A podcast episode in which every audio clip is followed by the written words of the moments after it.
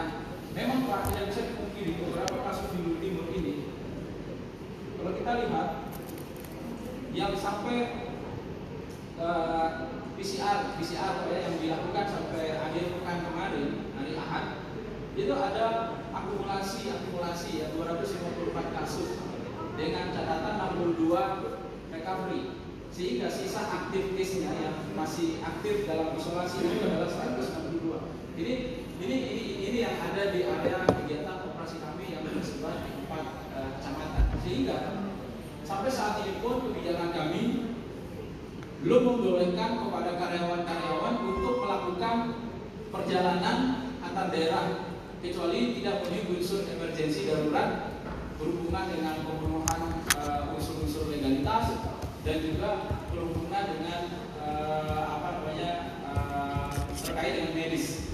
Nah, uh, flight pun masih kami hentikan sampai saat ini kecuali untuk urusan medis dan emergensi. Dan uh, kita siapkan uh, apa namanya fasilitas rapid test uh, untuk mengecekkan jika diperlukan orang melakukan uh, perjalanan. Nah, orang yang kembali bekerja juga cukup tinggi juga Pak. Jadi begitu dilakukan rapid test uh, reaktif, ini kita karantina dulu, kita yakinkan dan kita yakin PCR. Sehingga dengan model seperti ini kita bisa tahu dan melakukan uh, masif tracing orang yang kontak dengan siapa, sehingga ini bisa kita contain. Tetapi ada satu yang paling tidak, yang sampai saat ini kita masih struggling untuk melakukan itu adalah bagaimana perilaku masyarakat. Ini, ini ini memang tantangan kita bersama. Kalau di dalam area yang bisa kami kontrol Pak, di dalam area kerja itu ibarat kata itu di dalam itu patuh Pak, tapi kalau sudah di luar itu berubah lagi ke perilaku uh, seperti perilaku uh, umumnya gitu. Nah ini yang mengkhawatirkan karena apa? Ini adalah mengenai masa waktu. Kami berusaha melakukan uh, proyeksi kasus di Luhut Timur ini sampai kapan. Jadi modeling sederhana coba kami buat gitu tergantung infection rate-nya yang kita lakukan. Kalau infection rate-nya yang kami prediksi dari tahap pertama itu masih di bawah satu persen, Pak. 0,4 persen. Begitu tahap kedua, kenaikannya itu signifikan sekali sampai 1,8 persen. Prediksi kami pada tahap ketiga ini kalau tidak segera dilakukan intervensi sosial, ya kalau di dalam sangat tegas sekali orang bekerja itu jarak 2 meter, ya Bahkan kita gunakan sistem otomasi sekarang. Rapat-rapat tidak ada lagi rapat langsung, kecuali kalau yang sangat diperlukan. Tapi pada hal keluarga Gus, saya selalu sampaikan ke beliau,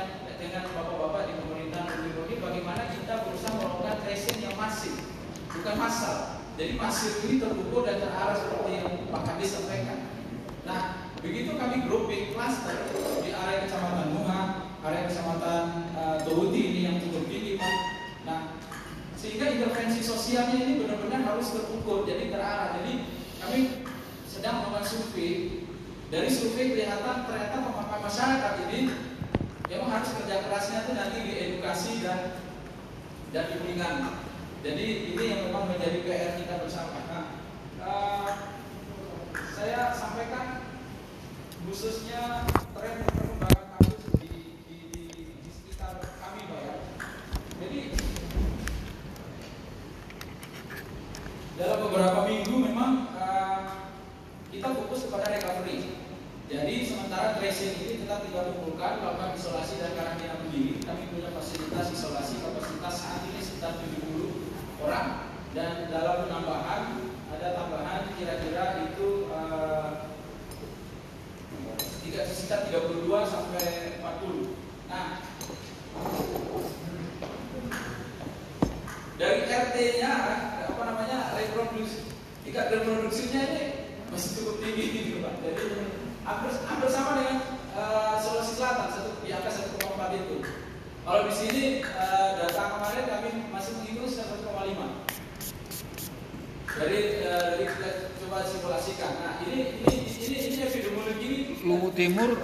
di Vale.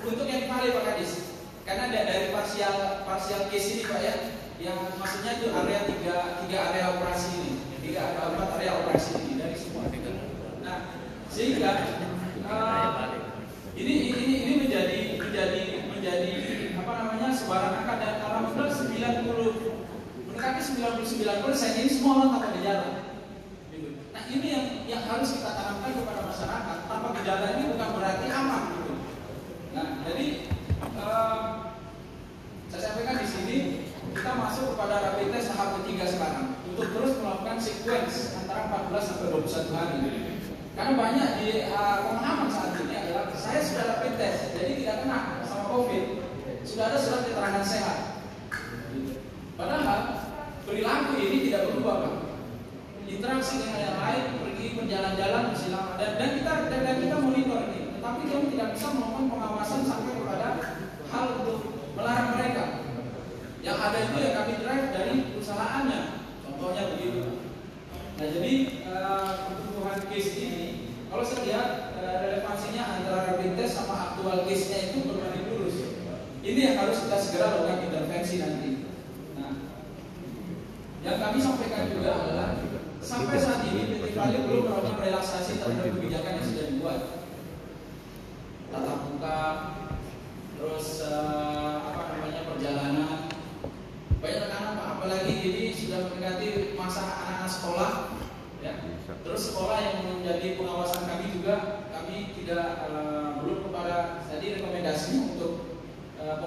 langsung. Jadi kami uh, apa menyiapkan skenario untuk pembelajaran online. Ya. Habis itu edukasi ini yang harus kita gencarkan. Nah, selanjutnya yang kami sampaikan di sini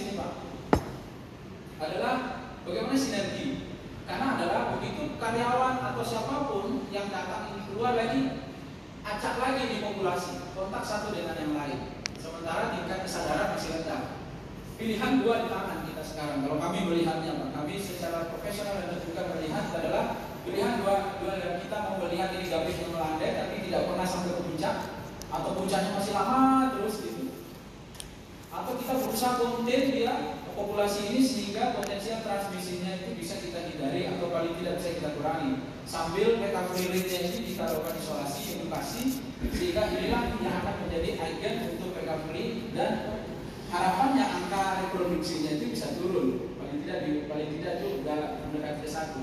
Jadi masih butuh effort yang sangat signifikan besar. Nah ini adalah e, perjalanan maraton.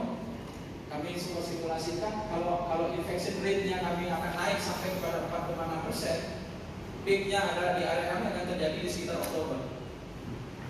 Dan ini tergantung di, di, di, di, di pilihan, di, cara kita melakukan pengendaliannya. Jadi ada dua hal sampai saat ini pun kita tetap hanya sebatas melakukan mengamankan kegiatan operasi yang langsung saja Pak. Karena kalau sampai ini terganggu, ada 10 ribu kalikan 3 kalikan 5 itu dari jiwanya, belum lagi penggerak ekonomi dari kontraktor, supply segala macam sehingga mohon maaf saya beberapa kali mendapatkan telepon langsung dari nanti Pak Minerba Bali ini kurang. Ah, gitu. perusahaan tambang ini di, di Sulawesi Selatan ini ada gangguan atau tidak? Sampai saat ini tidak ada Pak. Infection rate kami masih terkontrol di bawah 3 persen. Saya sampaikan seperti itu. Ada kasus ada. Jadi Pak Pak eh, Pak Doni Monardo menyampaikan lewat Pak Pak Dirjen Minerva saat itu Pak sudah pensiun Pak Pak ini. Jadi beliau bilang apa yang bisa kita bantu untuk tetap supaya ekonomi ini tidak terganggu. Nah, jadi eh, program tes massal, eh, tes rapid test, tes cepat ini eh, tetap kami lakukan Pak. Walaupun sekarang itu eh, kasus-kasus model model recovery-nya itu kayaknya ditemukan macam-macam gitu. Jadi ada yang positif, begitu dites negatif, dites lagi positif lagi, dites lagi negatif lagi, sampai enam kali itu positif negatif, dia stres orangnya Pak. Jadi tapi memang faktanya begitu setelah kita konsultasi dengan profesor profesor Profesor Mansur, Dr. Aswin dan juga teman-teman di di di, di, di, di Unhas. Nah ini ini kami akan melihat satu opsi lagi bagaimana mengcombine antara menggabungkan antara PCR dan pengukuran tingkat antibodi. Saat ini kita hanya melakukan rapid test dengan cara kita tahu antibodinya ada atau tidak sehingga kita duga oh ini potensi orang terpapar. Tapi kita harus tahu level antibodinya di saat di, di tingkat berapa sehingga kita bisa tahu oh ini orang ini sebenarnya itu sudah pernah terpapar tetapi ini sudah masuk hasil penyembuhan. Nah ini adalah inovasi yang harus kita lakukan secara terpisah sehingga kita bisa melakukan isolasi terhadap orang yang tepat. Jadi ini dia pak. Jadi uh, untuk isolasi ini kan kita perlu upaya uh, mendukung mereka dengan keluarganya. Jadi kami berkomitmen jadi begitu ter, ter, ter, ter, ter, terduga gitu ya kena screen. Jadi uh, apa namanya bantuan sembakonya setiap minggu kita berikan, ya paket bulanannya kita berikan. Karena kita melihat jangan sampai mereka ini keluar memberikan uh, apa namanya interaksi dengan masyarakat sekitar. Nah dalam melakukan ini teman-teman di rumah sakit di, di, di, di, di rumah sakit uh, Ibu Awal Bros uh, begitu uh, berjibaku dan uh, apa namanya dari beberapa case yang ada di rumah sakit kita sudah melakukan investigasi awal dan memang ini adalah uh, indikasi imported case bagus sekali di situ karena potensi di tengah-tengah itu antara rapid test dengan orang positif PCR di tengah-tengahnya ini terpapar sehingga perilaku disiplin ya. Diminta diam di rumah malah karena alasan teman diskusi ketemu gitu. Akhirnya kena di satu klaster khusus di lab ini jalan lagi ke tempat lain kena lagi di tempat lain. Nah di samping satu sisi akhirnya teman-teman di rumah sakit akan melakukan sistem zonasi secara ketat. Jadi zonasi ya, ya dokter Oki ya jadi ini tidak bisa mencampur kalaupun ini ini harus ada uh, protokol uh, APD yang ketat jadi uh, kami meyakini dengan cara yang sama kita akan mendapatkan hasil yang sama. Tapi kalau kita ingin melakukan penurunan tren ini terutama reproduksi yang bisa turun kami akan berusaha dengan cara dengan cara yang berbeda.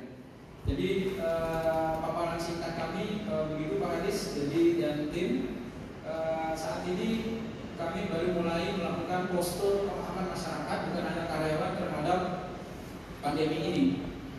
Dan memang Pak sekali lagi kami ulangi sekali lagi tantangan sosial kita ini adalah pemahaman yang masuk ke masyarakat sekarang terhadap hoax hoax yang banyak beredar.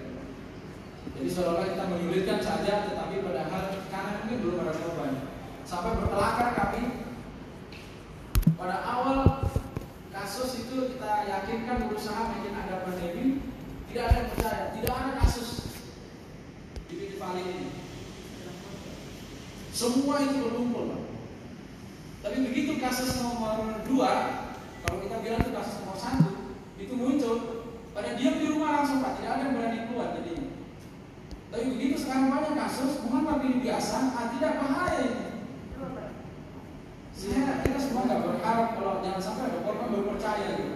Ini tantangan sosial seperti Prof uh, tadi sampaikan uh, bagaimana untuk uh, mengedukasi situasi saat ini. Jadi kami berusaha melibatkan beberapa tenaga ahli. Terima kasih Bapak nanti juga bisa kita sinergikan uh, bagaimana mengevaluasi kondisi ini sehingga intervensi yang tepat dan terukur tadi bisa kita lakukan.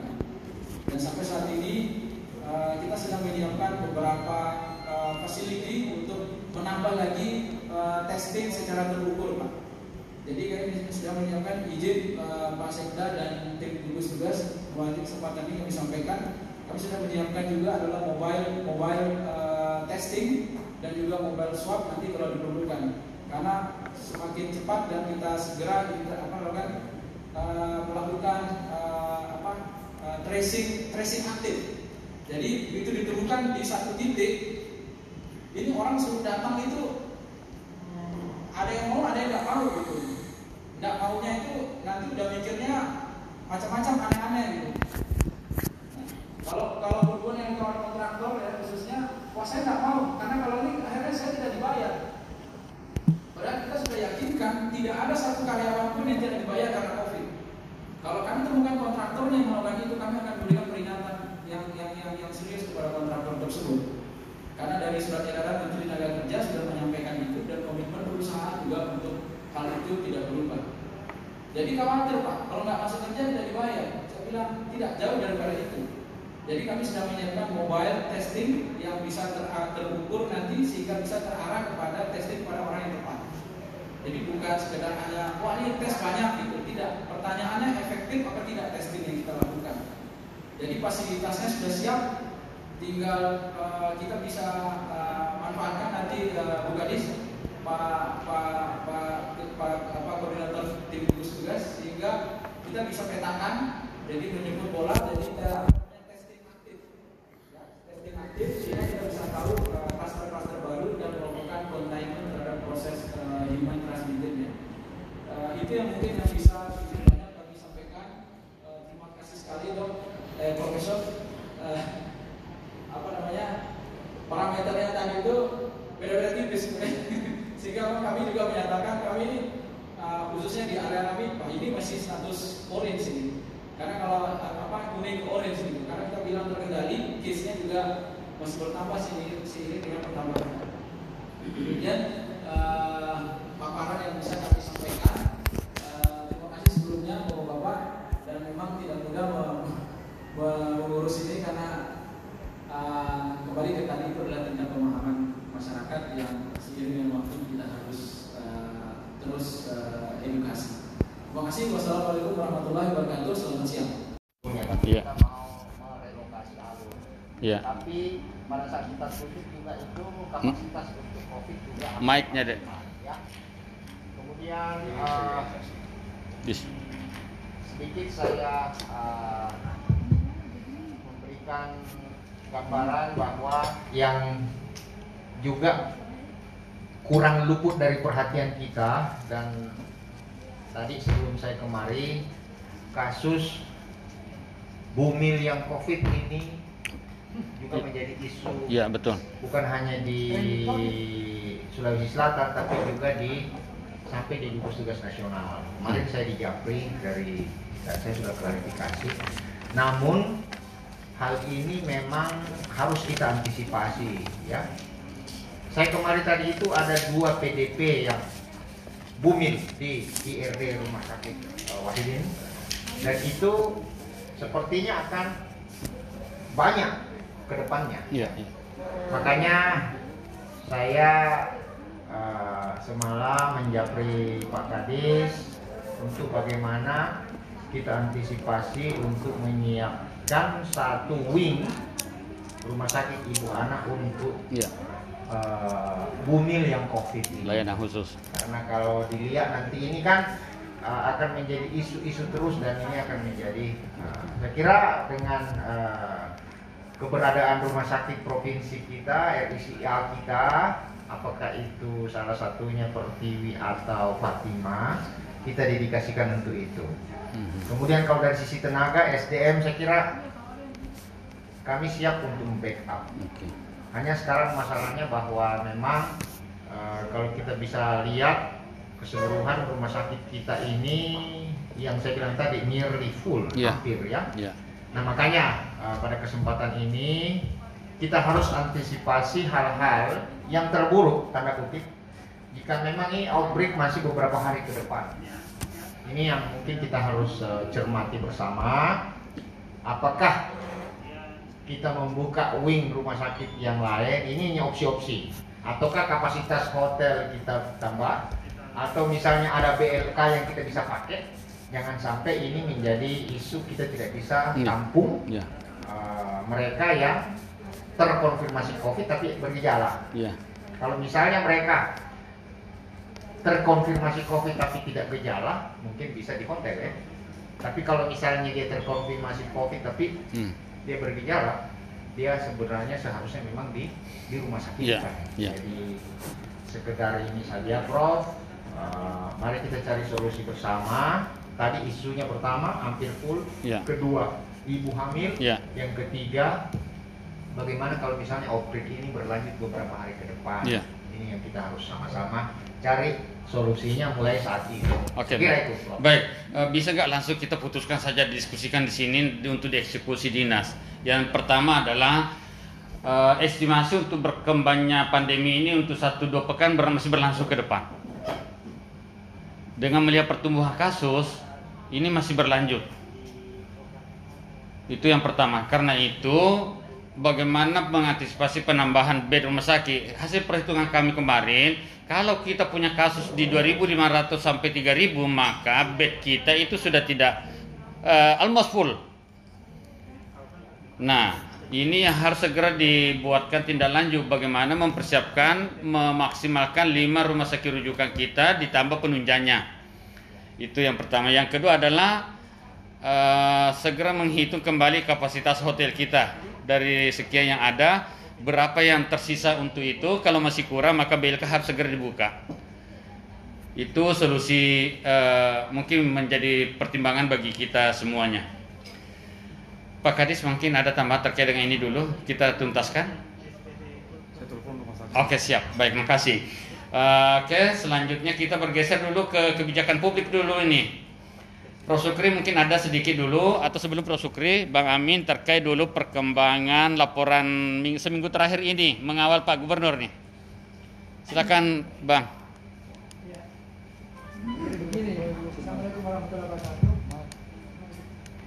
Eh, mungkin agak di luar ini. Saya mau melihat begini sebenarnya.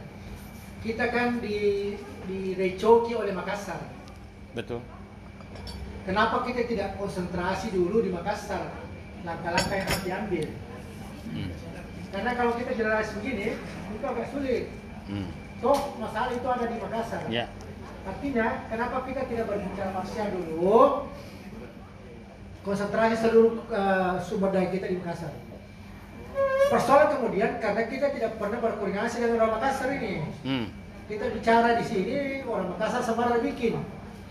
Oke. Itu persoalan. Ya. Jadi menurut saya perlu sekali-sekali mungkin dilibatkan di sini. Apa sih yang terjadi di Makassar itu? Di mana modelnya? Karena Hmm. sepanjang Makassar tidak selesai, Pak, jangan bermimpi untuk menyelesaikan masalah. Ya betul, saya setuju itu ya. Hah? Nah, apa pun kita lakukan, Ya. akhirnya apa yang terjadi maka ini Sulsel akan menjadi eh, titik hitam padahal sesungguhnya titik hitam yang paling pekat itu ada di Makassar dan yang habis itu adalah dinas kesehatan coba lihat di grup alumni hampir setiap saat itu dicoki oleh Mhm. Makassar Ya. Sulsel habis padahal Makassar pu- puncaknya Mhm. nah ini perlu kita eh, bicara secara parsial sesungguhnya apa yang harus kita lakukan Hmm. masalahnya adalah kita tidak tahu masalahnya Hmm. itu masalahnya. Oke. Kita tidak tahu masalah apa yang ada di Makassar. Ya. Bagaimana koordinasinya, bagaimana dia punya kebijakan, bagaimana satu sepele sekali. Ya. Saya tidak yakin bahwa eh, ada kebijakan yang solid di, di, di, di, Makassar ini. Karena kalau dia kebijakan solid seperti di daerah lain, maka dia bisa ketanggulangi, Pak. Mhm. Hmm. Bisa. Ya. Coba lihat misalnya Softbank. Begitu powerfulnya dia punya bupati, maka dia bisa ini. kasus Lutim, Lutim misalnya meskipun bupati menurut informasi saya tidak terlalu ini, tapi kan di bawah itu kuat. Hmm, hmm. Nah, saya melihat eh, maaf ya, mungkin Pak Wali Kota ini terlalu banyak eksperimen. Dia lepas seenaknya saja mau ngomong apa saja tanpa evidence base. Hmm. Mestinya kan kalau mengambil kebijakan berdasarkan data, bukan berdasarkan perasaan Hmm. atau berdasarkan apa yang dia mau bikin sendiri. Hmm. Makanya Pak JK tadi malam kan di mana-mana itu gubernur itu selalu eh, apakah beda dengan eh, wali kota seperti Surabaya. Surabaya ibu siapa? Kofifa. Risma, Risma dengan Kofifa. dengan Kofifa. Di mana-mana itu sama. Nah, ini yang perlu dibedah dulu karena coba kalau kita lihat hari ini 100 sekian berapa ya? Tujuh satu. 117 ada di Makassar Pak. Itu sekitar 80 persen, Pak. Nah, 107 salah total. 107 Makassar. Ini perlu ini. Apa sih masalahnya? Hmm. Nah, apa perlu Pak Wali Kota itu kita hadirkan, Pak? Hmm. Hmm. Menurut saya perlu kita hadirkan itu supaya kita tahu apa kebijakannya. Hmm. Sepanjang tidak percuma kita bicara di sini. Hmm. Apa membicarakan jadi masalahnya? Hmm. Yang perlu kita bicarakan adalah ada masalah di situ. Lalu kemudian kita harus tahu apa masalahnya. Hmm. Oke. Jadi meskipun nanti dari eh, edukasi itu muncul, kita tanpa mengetahui masalahnya Makassar tidak akan bisa. Karena kebijakan yang kita ambil di sini harus beriringan dengan kebijakan di bawahnya. Hmm. Kalau tidak Pak, tidak bisa. Kita membuat eh, menggali lubang, muncul lubang baru, menggali lubang, muncul lubang baru. Rumah ramai itu. Oleh karena itu, saya kira kita selalu berinteraksi dengan Pak Anu, Pak. Hmm. Itu juga harus ditahu. Paparkan di sini apa yang terjadi di Makassar. Hmm. Hmm. Sehingga itu semua eh, apa namanya titik-titik rawan itu Hmm. yang kita bisa isi. Oke. Karena menyelesaikan apa saya juga bilang, menyelesaikan Makassar, menyelesaikan 70% masalah. Betul, betul. Tapi menyelesaikan Makassar harus tahu masalahnya dulu. Iya, iya. Masalahnya kita tidak tahu masalah. Iya, iya, iya. Itu kan. Setuju. Oke, saya kira itu. Baik. Mau- tapi. Satu dikit baik. Besok saya mau. Tolong bawa mic-nya 2 3 besok lah. Oke, baik, makasih. Jadi eh, mungkin memang rekomendasi untuk meeting hari ini kita mengundang dinas dan wali kota lah untuk duduk bersama. Begitu Pak Kadis ya. Supaya kita mendapatkan sinergitas ini kita selalu menggaungkan sinergitas. Kita sudah bersinergi dengan beberapa daerah. Sekarang bagaimana kita bersinergi dengan Kota Makassar karena setelah kita melakukan overlay grafik persis 80% itu overlaynya kita punya pertumbuhan sama dengan Makassar Sulsel. Saya bilang selesaikan saja Makassar, selesai minimal Sulsel. Karena kalau naik grafik pertumbuhan Makassar naik Sulsel, turun juga turun. Dan posisi hari ini 1,4 Sulsel, 1,4 Makassar. Saya bilang ini sangat tinggi sekali. Jadi uh, perlu sekarang kita duduk bersama dengan teman-teman di kota. Itu. Iya, silang. Ya, masih banyak eh, memang yang ditawarkan untuk koordinasi langsung wali kota itu adalah satu metode yang ideal. Tapi ada hambatannya, hambatannya itu bisa lambat itu karena banyak tantangan-tantangan yang kita tidak bisa pikirkan, terutama tantangan politis itu. Jadi barangkali eh, Pak Dekan, siapa tahu memungkinkan ini, saya tidak tahu dari perspektif kebijakan, tapi yang pasti bahwa kalau provinsi itu sudah mendrive ada ada rasionalisasi provinsi untuk menekan itu kalau di tingkat provinsi sudah ada kebijakan. Hmm. Jadi drive drivingnya itu dari provinsi. Hmm. Jadi maksud saya adalah kan secara umum kita sudah bisa memahami permasalahan-permasalahan yang kita hadapi. Nah, bagaimana kalau kita bikinkan saja satu kebijakan, dianggaplah misalnya dari Pak JK kemarin menilai aktivitas kita itu masih minim di pencegahan, khususnya dalam hal penegakan protokol COVID. Kita beranjak dari situ, kita bikin kebijakan di tingkat provinsi, apakah dalam bentuk perda, pergub, atau surat edaran, apa pun namanya. Yang jelas ada instrumen di tingkat provinsi yang bisa menggerakkan kabupaten kota. Karena kita mau bekerja cepat, ya kan? Jadi sambil diupayakan tadi itu, jadi kita akan ketemu dalam rangka mengharmonisasi saja program. Ya. Ya kan dalam rangka mengharmonisasi. Hmm. Nah, tetapi kalau eh, kita mau bertemu baru mau mendiagnosa masalah, siapa tahu lambat ki baru ini pandemi mau cepat. Jadi langsung saja kita bagaimana kami kalau kita langsung saja bikin ke kebijakan Tidak bisa Pak. di tingkat provinsi baru seluruh kabupaten kota lakukan ini semua. Tidak, ini harus intervensi Makassar sendiri. Iya, oh, oh spesifik ya. Kalau itu kalau itu eh, penjelasannya maka sesungguhnya tidak ada masalah karena kan ada kebijakan nasional. Eh, seluruh kebijakan nasional itu ditafsirkan berbeda-beda di provinsi. iya. Oleh karena itu harus kebijakannya parsial karena masalahnya berbeda. Ya itulah, Paham. eh, ya Kalau artinya masalah berbeda jangan pakai obat yang sama. Karena itu penyakit Pak yang berbeda dikasih obat yang sama. Oke sih. Karena bukan Oke cukup. masalah Iya. itu. Jadi eh, kita akan mengeksekusi untuk segera melakukan pertemuan dengan pemerintah kota. Eh, dalam satu dua hari ini tolong di, difasilitasi kami untuk meminta mereka mempresentasikan dari gimana sebaran-sebarannya, masalahnya, tantangannya, kendalanya supaya sambil kita bergerak mempersiapkan eh, polisi kita ya. Jadi malam. Tidak nih, saya langsung bisa sebentar malam. Bahaya Pak kalau biarkan. itu mau itu, bisa. itu merencanaksinya. Iya. Undang ke sini wali kota. Ada. ya. Ada di sini tuh. Langsung wali kota tapi Iya, pasal di sini Pak, ada ya sampai Cina kiri. Eh. Iya, iya, iya, iya. iya. Kepala dinas pun itu mengatasi. Eh, Ya, kalau dia mau ke sini kita tunggu. Mesti wali kota. sebentar malam.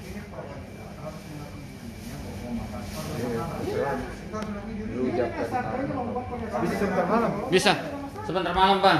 Setelah jam 8. Oh, sudah itu bisa.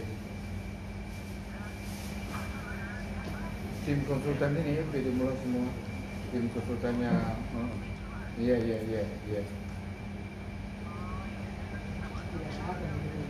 Iya, iya, iya, iya. Iya. Dia dia mah saya yakin bahwa dia lakukan yang benar. Buktinya Terserah nih, tapi kalau besok siang itu ada pikon. Pada besok malam. melakukan satu upaya yang lebih komprehensif.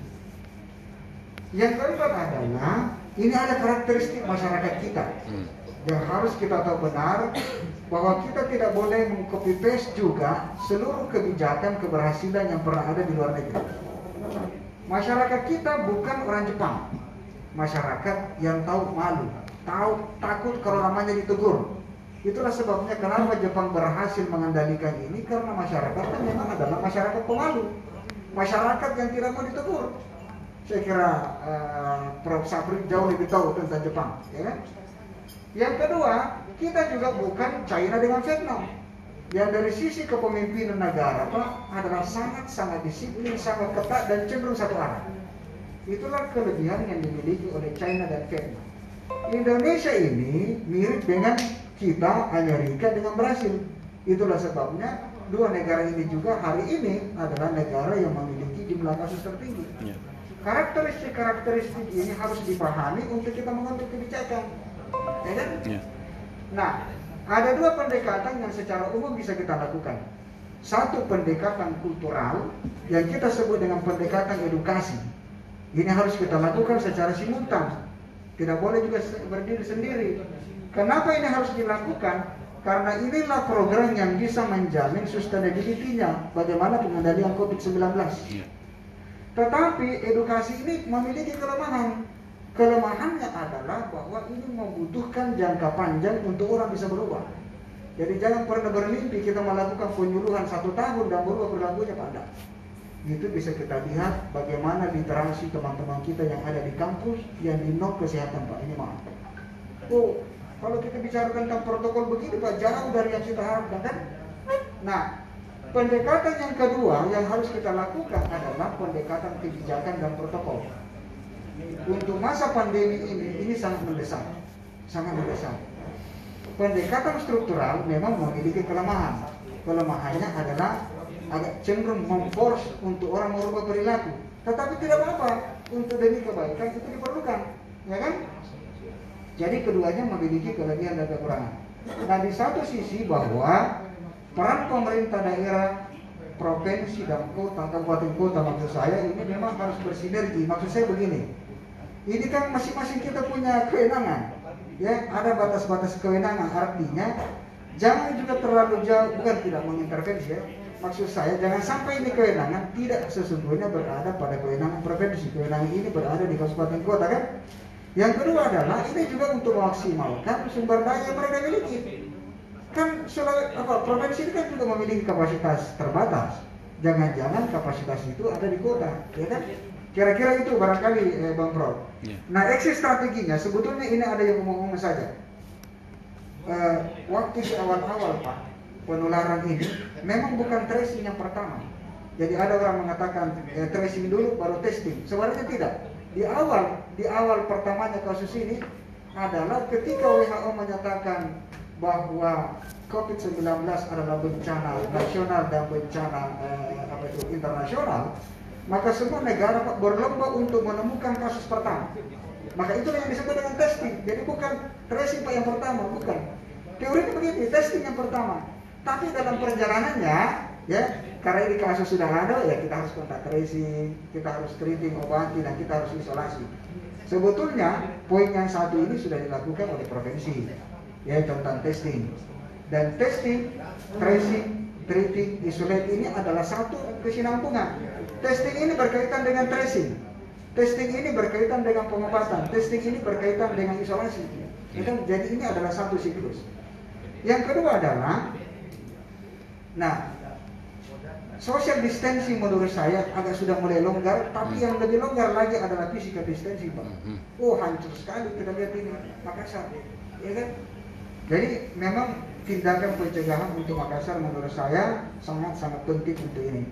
Nah, perubahan-perubahan perilaku saya kira uh, Prof. Arli ini akan banyak mengurai lebih jauh. Ini memang sangat penting yang disebut dengan edukasi.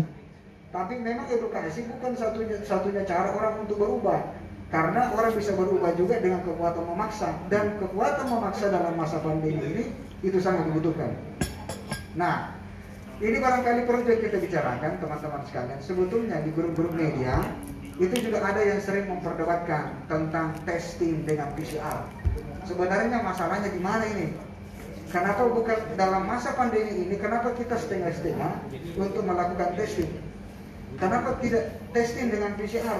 Toh juga sebetulnya saya jujur saja kalau saya pada posisi testing lalu kemudian disebut dengan reaktif, mungkin saya sudah tidak bisa tidur. Dan itu yang dialami oleh teman-teman kita. Nah maksud saya adalah sebenarnya kenapa kita tidak melakukan PCR? Masalahnya di mana? Apakah masalah di pembiayaan? Apakah masalah di mana? Karena negara-negara lain yang melakukan ini. Toh kita bertahan pada posisi itu, ya kan? Yang kedua adalah tracing.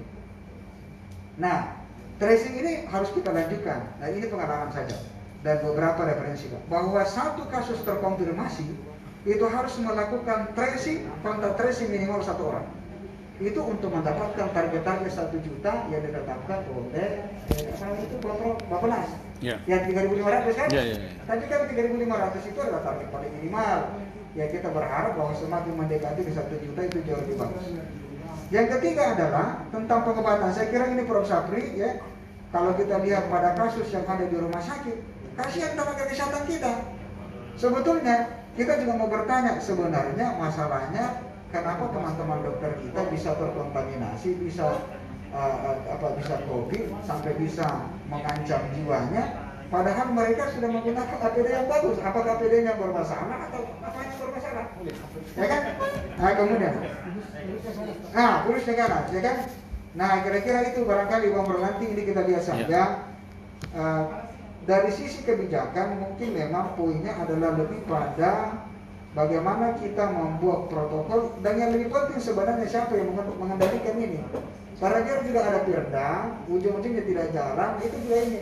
Sebetulnya Pak jujur saja di awal-awal pengendalian COVID-19 di Sulawesi dan di Makassar itu bagus sekali Pak. Artinya betul-betul itu seluruh sektor itu terlibat. Tentara turun tangan, polisi turun tangan. Ini kayaknya cuma orang kesehatan saja yang terlibat saya lihat. Ya kan kecuali yang terlibat itu di pembagian-pembagian sembako maksud saya ini agak kendor saya lihat ini kita menangani kopi menurut saya Kacamata yang saya lihat adalah lebih banyak dikendalikan oleh teman-teman kesehatan. Nah kalau itu yang terjadi maka kita tidak akan mungkin menyelesaikan COVID-19 ini. Tidak mungkin. Hanya 30% yang bisa kita selesaikan. 70% itu berada di luar ditanggung jawab oleh Pak Wali Kota, Pak Bupati. Kalau tidak terlibat Pak, tidak mungkin. Sama yang disampaikan Pak Ligan tadi. Kalau Makassar tidak menyatakan dirinya adalah bahwa Makassar adalah epicentrum, Makassar betul-betul rawan dan ini tidak mobilisasi sumber daya dan mungkin Pak Sulawesi Selatan ini bisa aman. Karena itu menyelesaikan Sulawesi Selatan adalah menyelesaikan kota Makassar itu sendiri. Mungkin barangkali itu Bang dari Ya, ya, ya, ya. Oke, Iya. baik. Terima kasih. Eh, terkait dengan persentase prosukri, minta dulu eh, konfirmasi-konfirmasi dari teman-teman dari dinas. Mungkin Bang Husni ada penyampaian terkait dengan perkembangan kolaborasi antar sektor dulu nih. Boleh, Bang selesai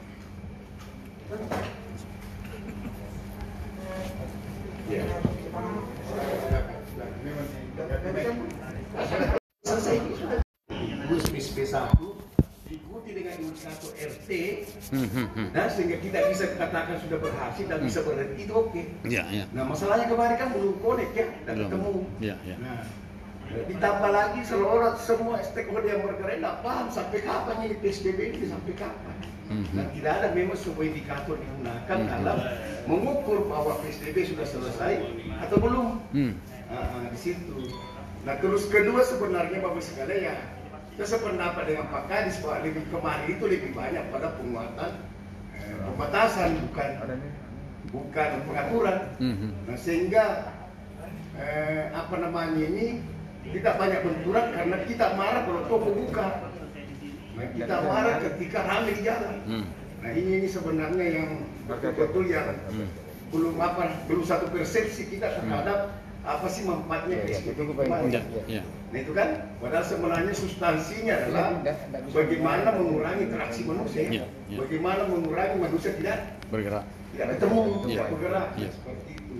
Nah makanya saya mau sekali bisa enggak kita di sini membuat PSBB mulai sukses yang lebih banyak pada nuansa edukasinya, Hmm. lebih banyak pada nuansa eh, penerapan protokol kesehatan. Hmm.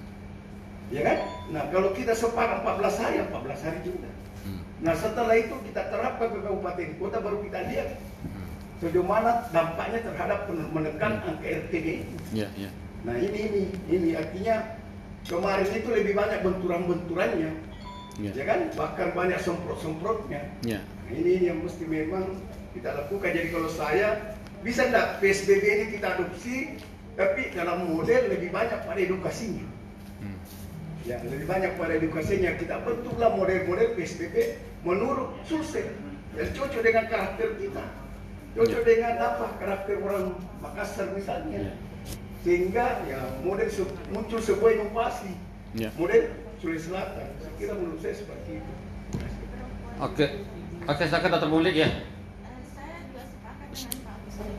Eh, yang saya lihat dari gugus tugas itu Prof, eh, mereka tidak paham Prof apa yang mau dikerjakan.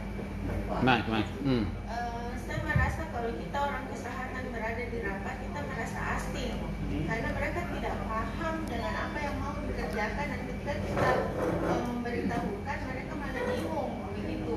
Ya, ya. Jadi mungkin harus eh, bisa diberikan pemahaman Mhm. terutama eh, menurut saya mereka terbatas dalam dalam analisis tapi mereka melakukan Iya, iya, iya. Seperti tidak efektif bagaimana mereka kita bersinergis bekerja Oke. kemudian yang kemarin itu kayak satgas pencegahan di gugus tugas memang tidak berjalan prof Iya. sekarang makan makanya kemarin itu kita ambil alih Iya. dari kesehatan padahal Iya. di situ kan juga intinya Ya, oke baik, makasih Dr. Muli. Jadi ada pengalaman ini PSBB yang baru keluar Maluku, Ambon. Jadi mencoba melaksanakan semua instrumen di PSBB kan ada tiga instrumennya sebenarnya. Yang pertama adalah mencegah infeksi di sumbernya di rumah sakit, mencegah eh, transmisi peredaran kasus dengan transportasi restriksi transportasi antar kota dan dalam kota. Yang ketiga adalah mencegah infeksi baru. Mencegah infeksi baru ini dengan penerapan protokol bisa kita menekankan pada dua aspek. Artinya pergerakan penduduk ini kan sudah tidak bisa dikendalikan nih. Karena itu kita menekankan pada aspek pertama di di sumber infeksi di rumah sakit di klinik. Yang ketiga adalah di mencegah infeksi baru dengan protokol yang ketat. Nah, di protokol yang ketat itu masuk edukasi, masuk yang lain-lain. Di situ poinnya. Karena sekarang ini tidak mungkin sepertinya me- membatasi peredaran orang ini transportasi. Karena itu protokol distancing di angkutan. Ya, artinya Anda boleh bergerak. Sebenarnya Gini, Hmm. sebenarnya kalau berani, kalau wali kota berani, tutup SPBU itu selama, selama dua minggu. Tidak ada pergerakan manusia. Kalau dia mau berani, Itu satu pendekatan makanya kalau datang Pak Wali ini langsung saja kita Satu, satu. Ah. kedua, kalau saya jangan susah cerita Pak. Susah tidak bermasalah. Yang bermasalah Makassar.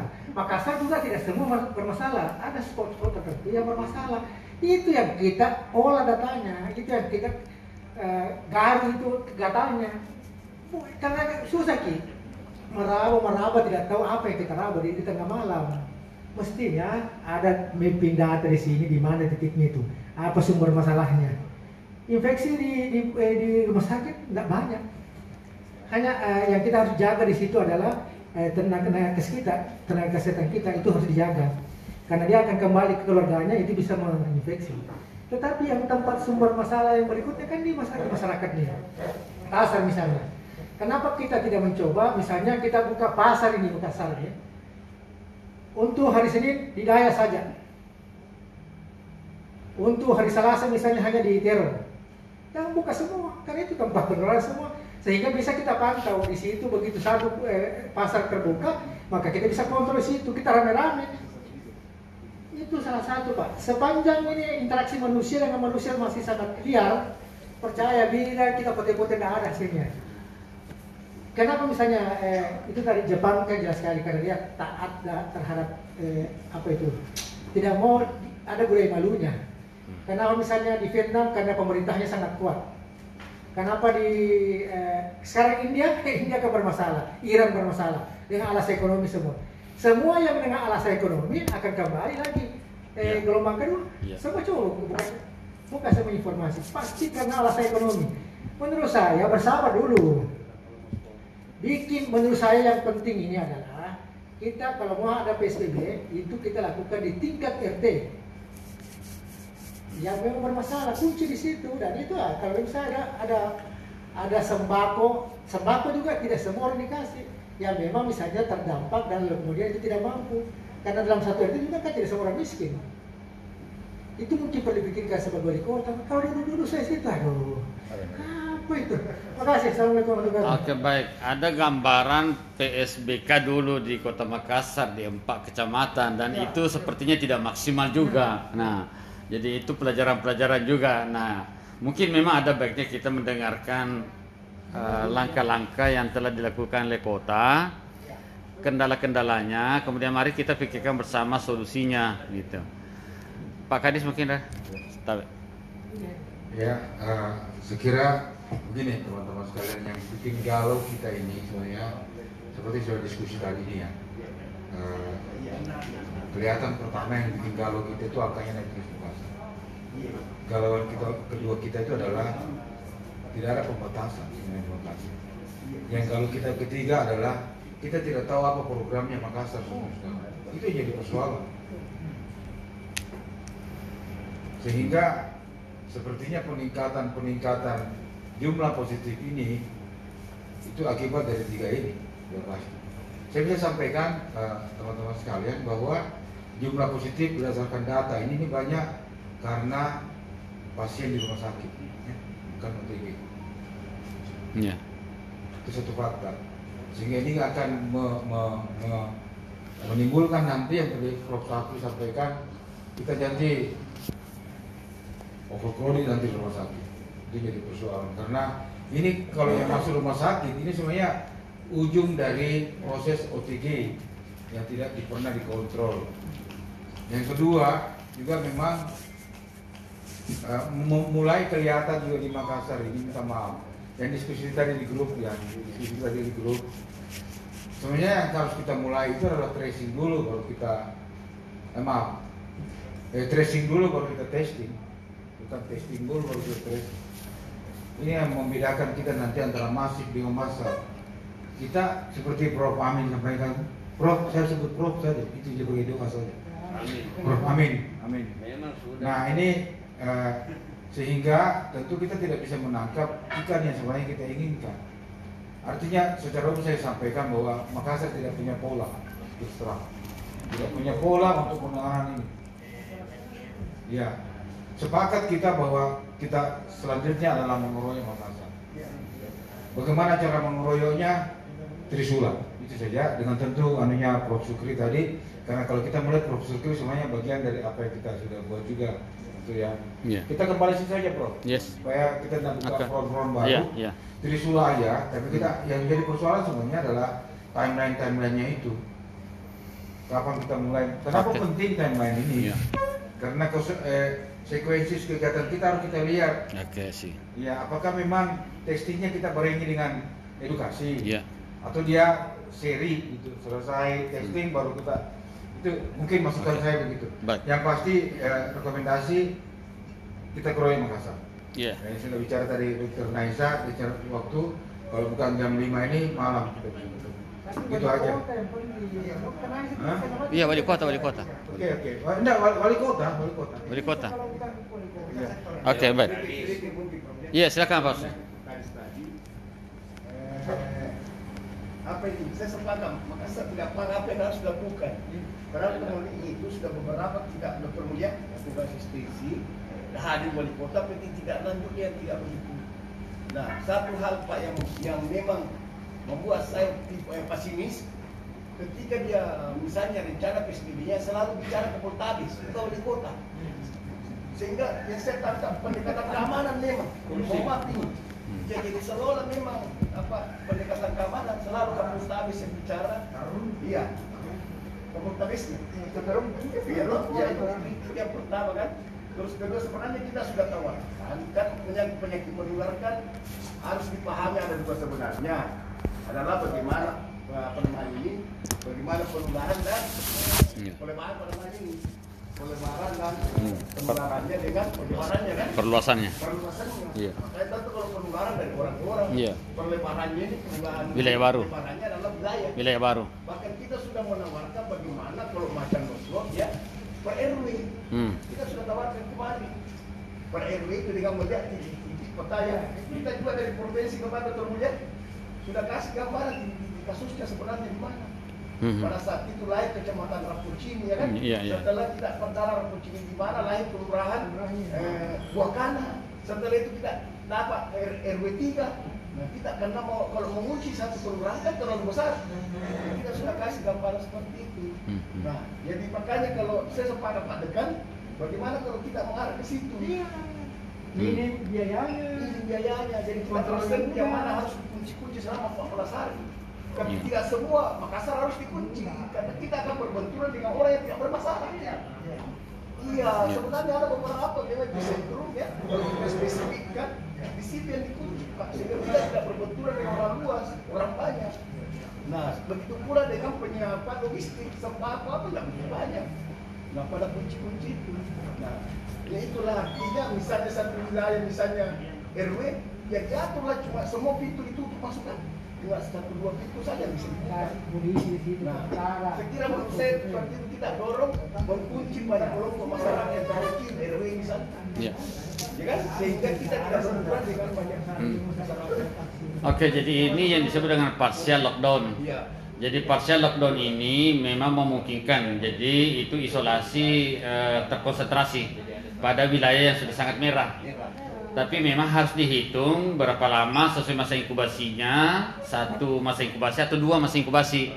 Dengan catatan itu harus ketat bahwa yang pertama tidak boleh orang keluar kecuali hanya untuk kepentingan logistiknya atau memang sudah disiapkan logistiknya. Yang kedua, semua orang yang masuk juga harus karantina dulu. Jadi orang lalu restriksi pembatasan keluar masuknya orang per eh, per parsial per wilayah itu. Oke baik, makasih. Saya persilakan Prof Harlin untuk memaparkan poin-poin yang akan di disampaikan terkait dengan rencana aksi dari edukasinya. Silakan Prof Harlin. Time is yours. banyak